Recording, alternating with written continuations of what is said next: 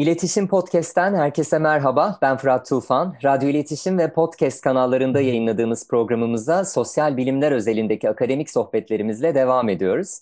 Programımızın bu bölümünde konuğum İstanbul Üniversitesi İletişim Fakültesi Gazetecilik Bölümü öğretim üyesi Doçent Doktor Oya Morba. Oya Hoca'nın çalışma alanlarını medya ve iletişim teorileri, iletişim sosyolojisi, dijital kültür ve dijital sosyoloji olarak özetleyebiliriz. Ve bugün de kendisiyle Chicago Okulu'nu, okulun çalışmalarını ve iletişim bilimleri açısından önemini konuşacağız. Doçent Doktor Oya Morba'nın İstanbul Üniversitesi Gazetecilik Anabilim Dalı Doktora Programı kapsamında tamamladığı tezinin başlığı Chicago Sosyoloji Okulu ve Sosyal Teoride İletişimin Keşfi ve vurgulamak gerekir ki kendisi bu tezin önemli bir bölümünü davetli doktor öğrencisi olarak bulunduğu Chicago Üniversitesi'nde yazdı ve bu tez aynı zamanda 2013 yılında bir kitap olarak da yayınlandı. E, şimdi hep beraber Chicago Okulu'nu öğreneceğimiz güzel bir sohbete başlıyoruz. Oy hocam hoş geldiniz. Nasılsınız? Hoş bulduk. Çok teşekkürler Fırat Hocam. Siz nasılsınız? Teşekkürler davet için bu arada. Ben teşekkür ederim. Rica ederim. Ben de iyiyim. Ee, Oya Hocam, şimdi ilk sorumuz biz e, Chicago Okulu'nu hakikaten sizden öğrenmek istiyoruz ve sosyal bilimler ve özellikle iletişim bilimlerinde Chicago Okulu'nun yeri, önemi ve anlamı nedir? Bize e, Chicago Okulu'nun nasıl bir okul olduğu ve bünyesinde ne tür çalışmalar yaptığı ile ilgili bilgi verebilir misiniz? Tabii ki elbette. E, belki soruyu e, nasıl bir okul olduğu kısmından başlayıp ardından sosyal bilimler genel olarak ve iletişim bilimleri açısından önemine e, değinecek şekilde e, yanıtlamak daha doğru bir rota olabilir. Chicago Okulu'nu eğer bir mekanla, bir kurumla ilişkilendirmemiz gerekirse Chicago Üniversitesi'nin 1892 yılında e, kurulan e, sosyoloji departmanında yürütülmüş bir dizi çalışmaya işaret ettiğini söylemek olanaklı. E, bunu belirtmek önemli. Neden önemli? Çünkü e, Chicago Üniversitesi kendi bünyesinden aynı zamanda bir antropoloji ekolü, e, bir iktisat ekolü, bir mimari ekolü çıkarmış bir kurum. Ve Chicago Okulu'na referansla yazılan kaynaklarda zaman zaman e, bunların birbirine karıştırıldığı, özellikle iktisat ekolüyle karıştırıldığında da ciddi yanlış anlaşılmalara neden olduğunu da görebiliyoruz. E, ama elbette ki Chicago Okulu dediğimizde aslında bir kurumdan ziyade bir e, teorisyenler topluluğuna biz işaret ediyoruz. E, fakat burada da bir temel teorisyenden e, bahsetmiyoruz. Yani bir temel teorisyen ve onun etrafında toplanmış bir takım teorisyenler değil Chicago Okulu. E, bunun yerine e, farklı disiplinlerden gelmiş e, ve birbiriyle e, düşünsel anlamda ilişkilenmiş e, bir topluluk ifade etmeye çalıştığımız şey. Ee, peki kim bunlar? Kim bunlar derken de belki biraz e, Chicago tarih yazımı, Chicago okulunun tarih yazımı ile ilgili referanslara değinerek ilerlemek gerek. Çünkü e, birinci, ikinci ve hatta üçüncü Chicago okulu tasniflerine de denk geliyoruz biz e, Chicago okulu ile ilgili kavramsallaştırmalarda. E, çoğunlukla aslında referans gösterilen klasik dönem dediğimiz bizim kuruluşundan işte parkın ayrıldığı 30'lu yıllara kadar olan dönem asıl temeli atan e, teorisyenler. Ama diğer ikisine de ya da aslında ikiyi bazen ikiyi ve üçü bir sayan bir tarih yazımı da var. E, ikinciye de kısaca değinmek çünkü Türk okur açısından önemli iki isim var yakın zamanda Türkçe'ye çevrilmiş kitapları ve oldukça bol referanslar vererek alan yazına kattığımız. E, onlara da değinmek gerekiyor. Bu klasik dönem dediğimiz e, ben kuruluşundan itibaren e, kabul etmeyi tercih ediyorum. Çoğunlukla Robert Ezra Park önemli bir figür olarak 1914 yılında Chicago Üniversitesi'ne geliyor ve çok yoğun, e, çok dinamik bir akademisyen, çok sayıda çalışma yapıyor.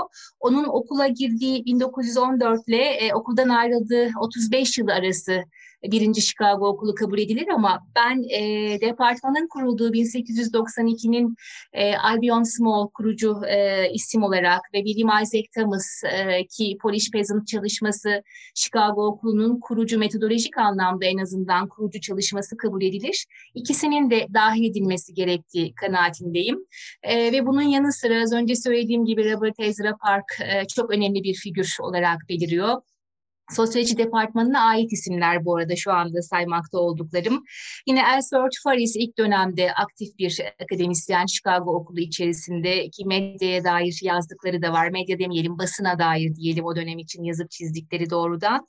Ee, ve elbette ki park dediğimizde onun kent ekolojisi ve kent çalışması, kent sosyolojisiyle ilgili çalışmalarını beraber yürüttüğü Ernst Burgess ismini anlamamız gerekiyor.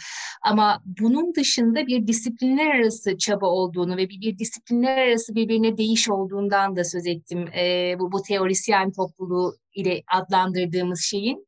Burada iki tane çok önemli isim var. Bir tanesi Chicago pragmatizminin de kurucusu kabul edilen John Dewey ki felsefe kürsüsünde öğretim görevlisi ee, ve yine aynı tür psikolojiden daha doğrusu sosyal psikoloji alanıyla çalışmalarıyla tanıdığımız e, George Herbert Mead. Bu iki isim de e, mutlaka Chicago okulu teorisyenleri dediğimizde e, aklımıza gelmesi gereken isimler. Ha bunun yanı sıra antropolojiden Robert Redfield zaman zaman dahil edilir. Çünkü Chicago Okulu e, muhtemelen değineceğiz bugün metodolojisiyle ilişkili olarak da e, aslında antropolojik bir bakış açısına da sahiptir kendi nesnesine.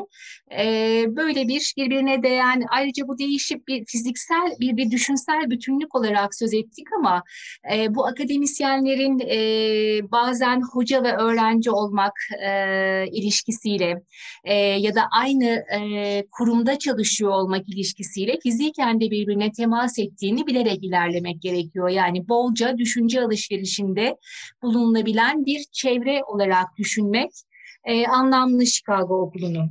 E, peki Chicago Okulu e, ne yaptı? Neydi genel ilgi alanları? E, doğrudan iletişim demeyeceğiz. Bunun yanıtı çünkü iletişim e, basın üzerinde yazılmış e, net doğrudan e, ilk döneme ait özellikle hatta parkın gelmesinden önceki döneme ait bir takım çalışmalar olmakla beraber e, aslında bir sosyoloji departmanı olarak kurulduğunu e, söyledik başlangıçta.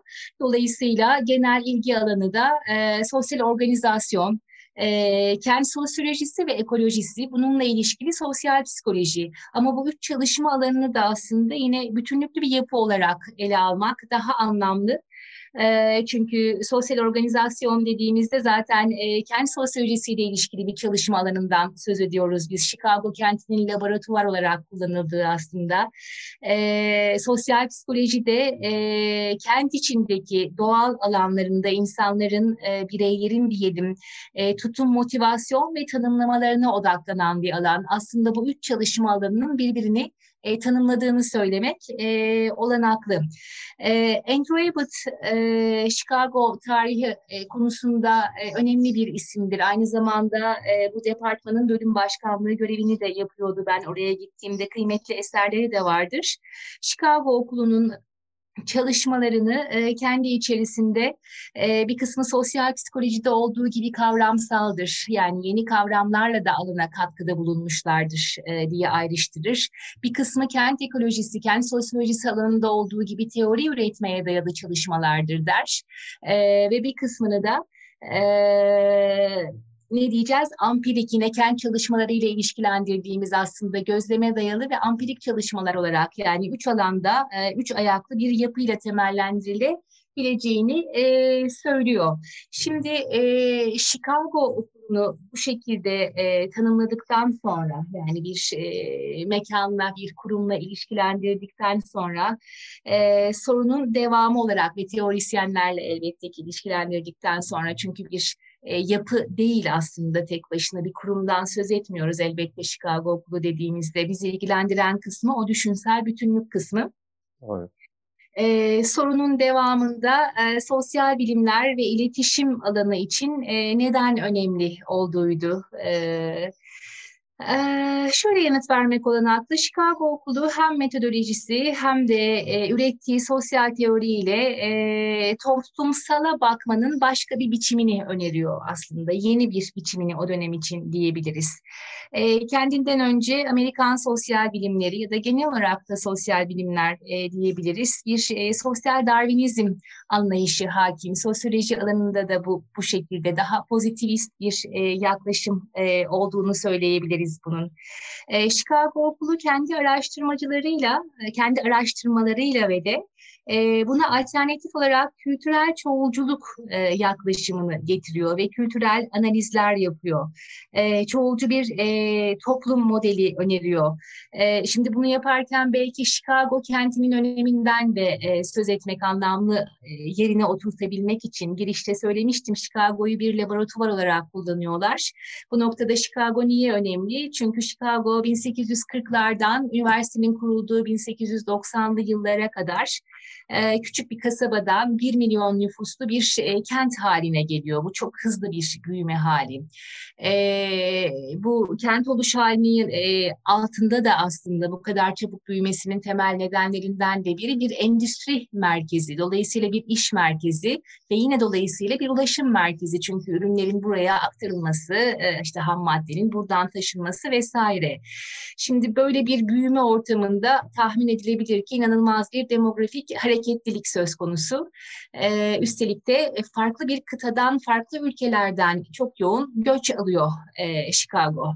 E, aynı dili konuşmayan, aynı etnisiteye sahip olmayan, farklı kültürel arka planlara dayanan çok sayıda insanın bir arada yaşamaya çalıştığı bir ortam e, görüyoruz. E, ve sosyoloji zaten modern bir disiplin olarak e, toplumsalı analiz etmekle, toplumun sorunlarıyla ilgilenmek üzere kurulmuş bir disiplin ve Chicago'da ne olduğunu anlamaya çalışıyor bu açıdan. E, bunu yaparken de çoğulcu bir toplum modeli öneriyor. Kendini önermekle yükümlü hissediyor belki de çünkü önünde e, gerçekten çok çeşitli az önce söylediğim gibi çok çeşitli bir e, topluluk var. Ve bu toplumsal sorunlara dair bir çözüm önerecekse ya da bu toplumu anlamlandırmak, yorumlamak için herhangi bir şey yapılacaksa da bunu yaparken yine kendinden öncekilerden ayrıştığı nokta doğrudan yapıya, e, topluma ya da makro olana değil, e, tersten giderek aslında faile e, eleyene, bireye, mikro olana gönderme yapıyor. Bu da aslında bir yenilik bu açıdan. Toplumu bireyin durduğu yerden e, görüp anlamlandırma, yorumlama çabasına girişiyor ve bunun üzerine bir teori inşa edebilir miyim diye e, bir bakış açısı e, getiriyor ve uzlaşıya dayalı aslında oldukça e, optimist bir bakış açıları olduğunu da söylemek olanaklı e, Chicago teorisyenlerinin. E, uzlaşıya dayalı biz bu çeşitlilikten tekrar nasıl bir bütün üretebiliriz sorusunu soran e, bir takım çalışmalar yapıyor. İşte iletişim düşüncesi de Chicago Okulu açısından tam bu noktada önemli bir yere geliyor. Az önce biraz değindim. İletişim çok doğrudan bir çalışma alanı değil. Yani tek başına iletişimi sorunsallaştırdığını görmüyoruz Chicago teorisyenlerinin. İletişim onlar açısından kendi sosyal teorileri içinde e, bu uzlaşıyı e, sağlamak için bir araç, e, bir, bir tür sosyal yapıştırıcı tezde de bunu söylemiştim aslında. Bu bu kozmopolit e, topluluğu bir arada tutan bir e, yapıştırıcı unsur olarak görülüyor. Şimdi böyle görüldüğünde de aslında çok önemli bir yere çekiliyor. Doğrudan çalışmalara rastlamak olanaklı değil dedik ama biz bugün Chicago Okulu diye tanımladığımız şeyle ilişkili bunu söylüyoruz. Evet basınla ilgili yapılmış doğrudan çalışmalar var ama önemi o çalışmalardan kaynaklanmıyor iletişim bilimleri açısından aslında ki nispeten eleştireldir onlarda yani basının ticari yanını eleştiren 1910'lu yıllarda 1900'lerin hemen başında yazılmış bir dizi makaleyle karşılaşıyoruz American Journal of Sociology'de. E, fakat asıl önemi bu değil. Asıl önemi sosyal teori içerisinde bu etkileşim ve iletişimi nasıl konumladıkları. Eee bu, bu konuda bir şey, aslında öncü olduklarını söylemek olanaklı. Bugün durduğumuz yerde yani aktüel iletişim ortamı içinde yaşadığımız dönem içerisinde biz bugün özellikle dijital medya teknolojileriyle de ilişki olarak bireyi aktif ve eyleyen bir aktör olarak e, tanımlamaya aşinayız. Ama Chicago Okulu teorisyenleri bireyi bu düzleme 1900'lerin başında çekmiş oluyor.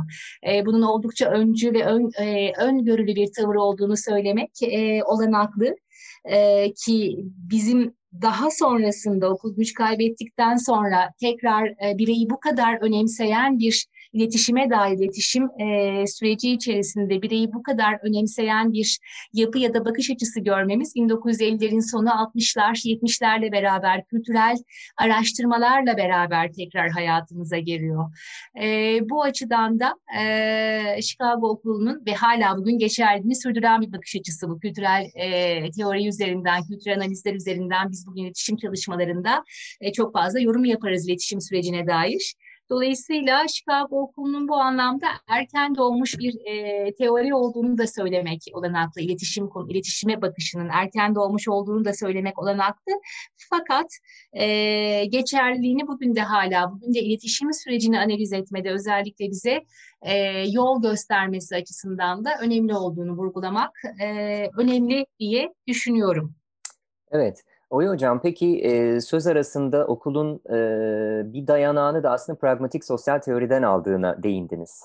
E, evet. Şimdi bu yönü e, aslında hem eleştirilmiş hem de e, uzun süre göz ardı ed- edilmesine neden olmuş. Fakat bunun yanı sıra sizin de vurguladığınız o e, metodolojik yaklaşımın da e, çeşitli zengin biçimde ortaya çıkmasına vesile olmuş. Aynı zamanda kültürel çalışmaların da e, yapılan kültürel temelli çalışmaların da aslında zenginliğine burada vurgu yaptınız siz. Şimdi okula yöneltilen eleştirilerden ve o okulun metodolojik yaklaşımından söz eder misiniz biraz? Peki. E, Chicago Okulu özellikle kıta Avrupa'sında ama e, bunun Amerikan sosyal bilimleri için de geçerli olduğunu söylemek e, mümkün. 70'li yıllara kadar e, tam da senin de söylediğin gibi e, ihmal ediliyor, görmezden geliniyor, çok indirgemeci bir yaklaşımla ele alıyor, pejoratif olarak ele alınıyor e, vesaire. Genelde ampirik yönelimli olduğu yani gözlem üzerinden ilerlediği ve teorik altyapısının yetersiz olduğu vurgulanıyor 70'lere kadar eleştirilerde. Bugün de hala bu yönde eleştirilenler olduğunu söylemek mümkün ama okul okul üyelerinin sosyal ıslahçılar olduğuna dair bir e, eleştiri geliyor onlara. Yani sadece sosyal problemleri çözme yönünde bir tavırlarının olduğu ve sistemsel bir eleştiri getirmedikleri aslında temel kabul.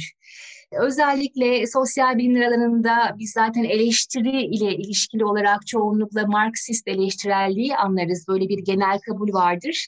Ee, özellikle sosyal bilimler alanındaki Marksist eleştirellikten beslenen e, ve ve gelenekle kıyaslandığında, bu gelenekle kıyaslandığında diyelim e, Chicago okulu genel olarak temelsiz e, liberal ilkelere işaret ediyor faydacılıkla çoğunlukla ilişkilendiriliyor e, ve elbette ki e, kapitalizmin somut bulmuş, vücut bulmuş hali olarak Amerika'nın kendisine işaret ediyor. Bunu biz e, eleştirel teori içerisinde Horkheimer'ın yazıp çizdiklerini de özellikle çok doğrudan görüyoruz. Kendi eleştirel teorisinin karşısına konumladığı geleneksel e, teori e, kavramsallaştırmasında. Sosyal bilimlerde e, çok yaygın bir tavır da vardır. Herhangi bir olguyu açıklarken yani onun e, ne olduğunu e, doğrudan tarif etme e, tavrı vardır. Bir yandan da bir olgunun ne olduğunu onun ne olmadığından yola çıkarak e, tarif etmek üzerine de bir tavır vardır. İşte e, Marksist eleştirelliğin kendini konumlarken ne olmadığını tarif ederken doğrudan bu Amerikan e, Amerika'ya ait liberal düşünceyi işaret etmesi de aslında bir yanda e, Chicago e, okuluna e, yaygın olarak getirilen eleştirilerin kaynağı olarak görmek e, mümkün. Hans Joas e, kıta Avrupa'sında bir Alman e, teorisyen e, pragmatizm üzerine çalışıyor. Chicago Okulu'nda da çalışmalar yaptığını e, biliyorum. E, şöyle bir e, cümle kurar, ben alıntılamayı severim. Burada da belki değinmek gerekiyor. Ee, diyor ki Hans Joas, eleştirel teori hakkındaki pozitif mit, Amerikan düşüncesinin sadece utilitarian ya da faydacı ve ampirik olan karakteri hakkındaki e, negatif mitle tamamlandı. E, dolayısıyla genel olarak e, Chicago okuluna yöneltilen olumsuz eleştirilerin bu düşünceden kaynaklandığını e, vurgulayabiliriz. Bunun nispeten e, ya da şöyle söyleyelim bunların e, yersiz eleştiriler olduğunu da haksız haksız eleştiriler olduğunu da elbette ki e, tutarlı tarafları da olduğunu varsayabiliriz ama e, haksız bir yanı olduğunu da düşünmek gerekiyor. Biz e, gündelik hayatta da pragmatik pragmatizmi bugün faydacılıkla eşdeğer olarak, eş anlamlı olarak kullanırız. Halbuki faydacılık doğrudan bir e, sonuçla ilişkili olarak eyleme hali, halidir. Pragmatizm bunun çok daha e, ötesinde bir e, tavırdır. Bir kez bu dildeki yanlışı baştan silerek başlamak anlamlı olabilir. Pragmatizm bu kıta Avrupası felsefesinden gelen eleştirilere yanıt verecek felsefi sofistikasyona ve altyapıya da sahip bir felsefe aslında bir anlam teorisi olarak kurgulanıyor. Aynı zamanda bir eylem teorisi, e, bir hakikat teorisi aslında. Hakikati de insan eyleminde temellendiriyor, insan tecrübesinde aslında temellendiriyor. Pragmatizme göre hakikatler ya da doğrular diyelim birer keşif değil, metafizik bir yerden kaynaklanmıyor, birer icat, bireyin doğrudan kendi doğal çevresiyle ve diğer bireylerle girdiği etkileşimden türeyen e, hakikatler. Zaten onun çoğulculuk anlayışı da buradan e, temelleniyor ve kaynıyor, e, kaynaklanıyor. Dolayısıyla Chicago Okulu'na yöneltilen eleştiriler aslında e, onun bugün bugün biz bu çoğulculuk ve uzlaşı vurgusu üzerine bolca konuşuyoruz. E, ve Chicago Okulu'nun da hala rehberlik edebilme kabiliyeti de buradan geliyor. Dolayısıyla denebilir ki e, onu yeren bu tavır aslında onun güçlü yanının da altını çizen bir tavır. Nitekim Habermas düşüncesi öncesinde biz Habermas'ın MIT üzerine ciddi okumalar yaptığını, iletişimsel eylem kuramıyla ilişkili olarak biliyoruz. Dewey'e referanslar verdiğini ve bugünden otursa Dewey'i daha detaylı okuyacağına dair ben birkaç yerde denk geldiğini biliyorum. İki düşünceyi birleştirme gayretleriyle de karşılaşıyoruz daha yakın zamanlı olarak. Dolayısıyla Chicago Okulu bugün de hala e, iletişim sürecini de toplumu anlama konusunda da kendi sosyal e, teorisiyle oldukça önemli bir okul çıkıyor e, olarak çıkıyor karşımıza.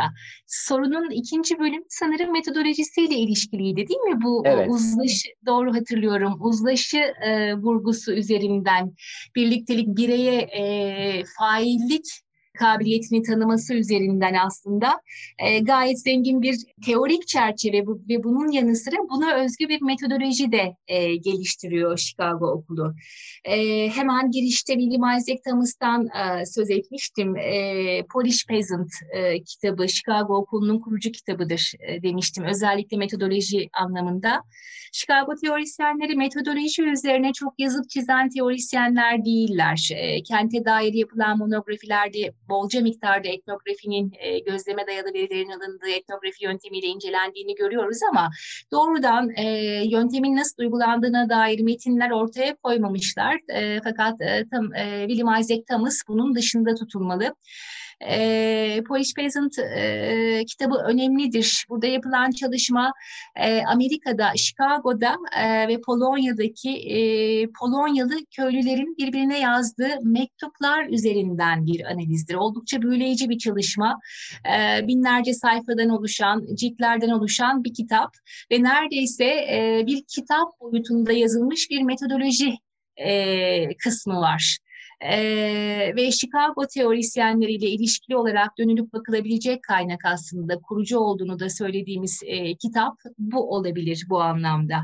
E, bir genelleme yaparsak aslında etnografi dedim, e, metodoloji konusunda yazmadılar dedim ama Chicago Okulu'nun genel metodolojisi nedir diye bugün e, sorduğumuzda genel olarak e, teori ve araştırmayı verimli bir şekilde birleştiren etnografi etnografi çalışmaları, ampirik çalışmalar diyebiliriz biz e, buna. Zaten bu konuda e, park çok öne e, öne çıkıyor. Kent monografileri e, çok aktif ve çok heyecanlı bir öğretim görevlisi park. E, öğrencilerini sahaya çıkma konusunda çok teşvik eden bir e, hoca. E, hatta bir alıntısı vardı. E, ellerini kirletmek tabiriyle kullanıyor bunu. Masa başında e, bunu anlayamazsınız. Kentte ne olduğunu anlayamazsınız. E, ellerinizi kirletin. Gidin bir otelin merdivenlerinde oturun. Sokakta neler olduğuna bakın diye öğrencilerini sokaklara e, yönlendiren bir akademisyen. Dolayısıyla verinin sahadan doğrudan çekilmesi, gözlem yoluyla çekilmesi gerçekten e, çok önemli bu dönemde yetişmiş olan olan akademisyenler e, açısından ve bunu yaparken de yine dönüyoruz yine hem pragmatist felsefenin hem Chicago e, sosyal psikolojisinin hem Chicago okulunun o temel vurgusu bireyi bireyin bakış açısı yani mikro olandan, failin kendisinden hareket eden bir bakış açısına sahipler. Zaten etnografi hem bir araştırma tavrı hem bir metot olarak özünde öznenin bakış açısından e, bir yoruma dayanır. Dolayısıyla e, Chicago e, Sosyoloji Okulu açısından da genel ana metodolojinin bu olduğunu söylemek önemli ama şunu da eklemek gerekiyor. Chicago Okulu istatistiksel metotlara e, e, karşı değil. E, hatta e, Park henüz okuldayken Auburn yanlış hatırlamıyorsam Columbia Üniversitesi'nden sadece istatistiksel metodu öğretmek üzere Chicago Okulu'na davet ediliyor.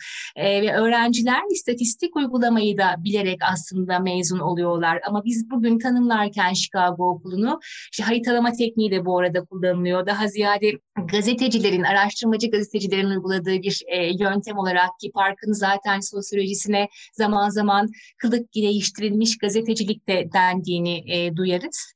İstatistiksel, matematiksel yöntemler de bir yanıyla etnografik yöntemle el ele gidiyor. Ama asıl önemli olan elbette burada gözleme dayalı olarak o ampirik veriden e, bireyin bakış açısından bir teori üretme çabası onların her zaman. Hatta e, Chicago Okulu'nun etnografilerine dair bu teoriyi çok güzel uygulayabildikleri için bugüne kadar dayanabilir, e, dayanmış oldukları söylenir. Yani var olan bağlam içerisinde edinilen gözleme dayalı veriyi o bağlam içerisinde bir teoriyle eşleştirebilmişlerdir. Bu anlamlıdır zaten. E, daha sonraki jenerasyonlar tarafından da o döneme dair bir araştırmayı okunur kılan şey de tam olarak e, budur. E, çok özetle öznenin bakış açısını temel alan etkileşimci bir e, sosyal teori, e, ön kabulü ve buna dayalı yöntem olarak da etnografiyi ama uygulamışlardır demek belki toparlamak adına anlamlı olacaktır. Aslında şu geldi aklıma yani yanlış mı düşünüyorum bilmiyorum katılır mısınız bana ama bugünün akademisinden baktığımızda şöyle bir ön yargı var ampirik çalışmaların eleştirel olmasının sanki çok mümkün olamayacağına dair bir ön yargı var. Chicago Okulu'nda bunun aslında e, tam tersi bir sürecin işlediğini e, çok net biçimde görebiliyoruz sizin anlattıklarınızdan. Yani Amerikan sosyal bilimlerinin eleştirel kanadına işaret ettiğine dair bir vurgunuz var. Hem e, e, kitabınızda e, hem de anlattıklarınızda. Ve bu eleştirelliğin ama Marksist eleştirellikten de farklı olduğunu özellikle evet. söylüyorsunuz. Evet. Evet. Ben şunu sormak istiyorum size. Chicago Okulu çalışmaları günümüz iletişim çalışmaları için e, nasıl e, bir yol gösterici olabilir? Yani bugün e, bir iletişim bilimleri gözünden baktığımızda, iletişim bilimleri alanında bir araştırmacının Chicago Okulu'nu kendisine dayanak olarak aldığında e, nasıl bir çalışma e, sistemi, nasıl bir biçim e, ve metot karşısına çıkacaktır? bu eleştirellik kısmıyla başlamak isterim. Çok da doğru ifade ettiğin gibi hep bunun altını çizmek gerekiyor. Marksist eleştirellikle eleştirel düşüncenin e, kendisi öncelikle birbirinden ayrıştırılmalı. Eleştirel teori aslında e, daha doğrusu eleştirel terimi diyelim, teori demeyelim. O tam Marksist düşünceye işaret eden bir şey. Eleştirel terimi bir bilimin e, bilimin ilerlemesi ve e, endüstrileşmenin etkileriyle aslında modern hayata bir tepki olarak ortaya çıkan toplumsal eleştiriye işaret eder. Modern döneme ait bir yaklaşım. E, ama genellikle özellikle bu Marksist eleştirelliğin e, sosyal bilimler açısından çok verimli bir çalışma alanı sağlamasıyla ve belli bir dönemde çok etkin olmasıyla e, bu arada Marksist eleştirelliği asla hafife almıyorum. Çok önemli bir katkı olduğunu düşünüyorum. Onu burada parantez açıp söyleyeyim. E, ancak eleştirellik fikrinin çok domine ettiğini ve Marksist olmayan tüm eleştirileri de görünmez kıldığını söylemek burada önemli. E, yine ben Hart'a dayanarak, Hart'ın Hart'ın da bu konuda e, Chicago Okulu ile ilgili benzeri bir çünkü tespiti vardır. E, yapılması gerekenler aslında herhangi bir e, düşüncenin eleştirel olup olmadığını, bir tavrın eleştirel olup olmadığını tespit ederken ya da yorumlarken yapılması gereken e, toplumların iyileştirilmesini e, dönüşüm anlamında bu iyileştirmeyi kastediyoruz. Yani ıslah değil, sistemle uyumlanma halinden bahsetmiyoruz. Chicago okuluna az önce de söylediğim sıkça getirilen eleştiri anlamında dönüşüm anlamında iyileştirilmesini e, hedefleyen teorilerin kendi sosyokültürel bağlamlarında aslında değerlendirilmesi anlamlıdır der. Yani Chicago Okulu'nu eğer Marksist perspektiften değerlendirirseniz elbette Horkheimer'ın e, geleneksel teori, e, eleştirel teorisi gibi çok ciddi bir e, nedir zıtlıkla karşılaşırsınız. Ama kendi bağlamı içerisinde Chicago Okulu'nu yani Amerika'nın e, liberal sistemi içerisinde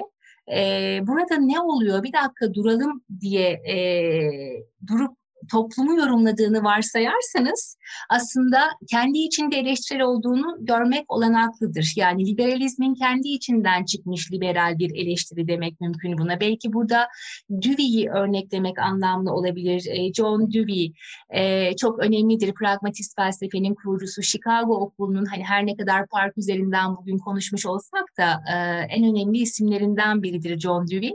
John Dewey'nin ilk dönem eserlerinde özellikle bu e, geleneksel yapının değişmesi, toplumsal dönüşümü, az önce sözünü ettiğim e, endüstrileşmenin getirdiği toplumsal e, dönüşüm ile ilişkili olarak e, maddi olan, kültürün maddi olan kısmının hızla dönüşmesi ama e, soyut olan kısmı, değerlerin aslında bu hıza yetişememesiyle ilgili ciddi bir kaygısı var metinlerinde. Ve bu konuyla ilgili düşünüp yorumluyor aslında. Yani bizim e, hatta onun tabiriyle büyük bir e, toplumdan artık söz ediyoruz diyor. Yani topluluk kurallarının çözüldüğü, değil mi? Kentleşmeden söz ediyoruz, modernleşmeden söz ediyoruz.